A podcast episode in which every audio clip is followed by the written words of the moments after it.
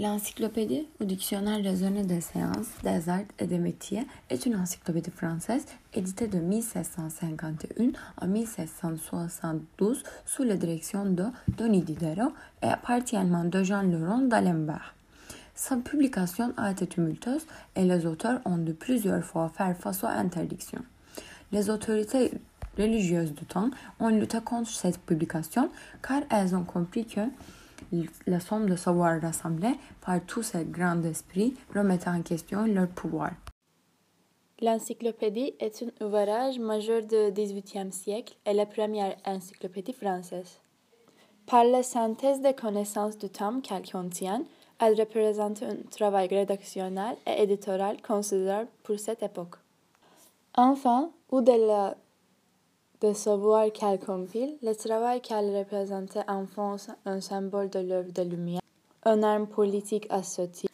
L'objet de nombreux rapports de force entre les éditeurs, le rédacteur, le pouvoir séculier et ecclésiastique.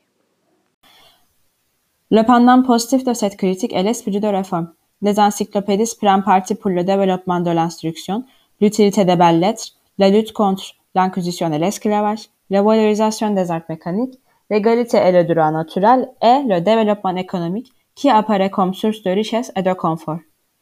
Les articles traitent d'agriculture, de médecine, de mathématiques, de politique, de philosophie, de mécanique ou encore d'optique.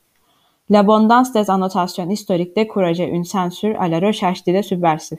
L'encyclopédie est aussi illustrée de planches anatomiques et de gravures fascinantes.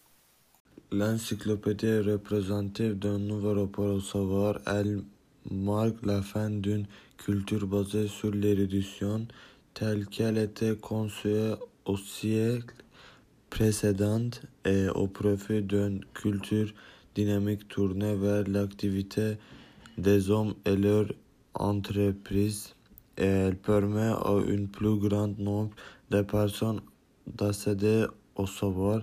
L'esprit de des Lumières, dont l'encyclopédie représente une sorte de point culminant rayonnant dans toute l'Europe.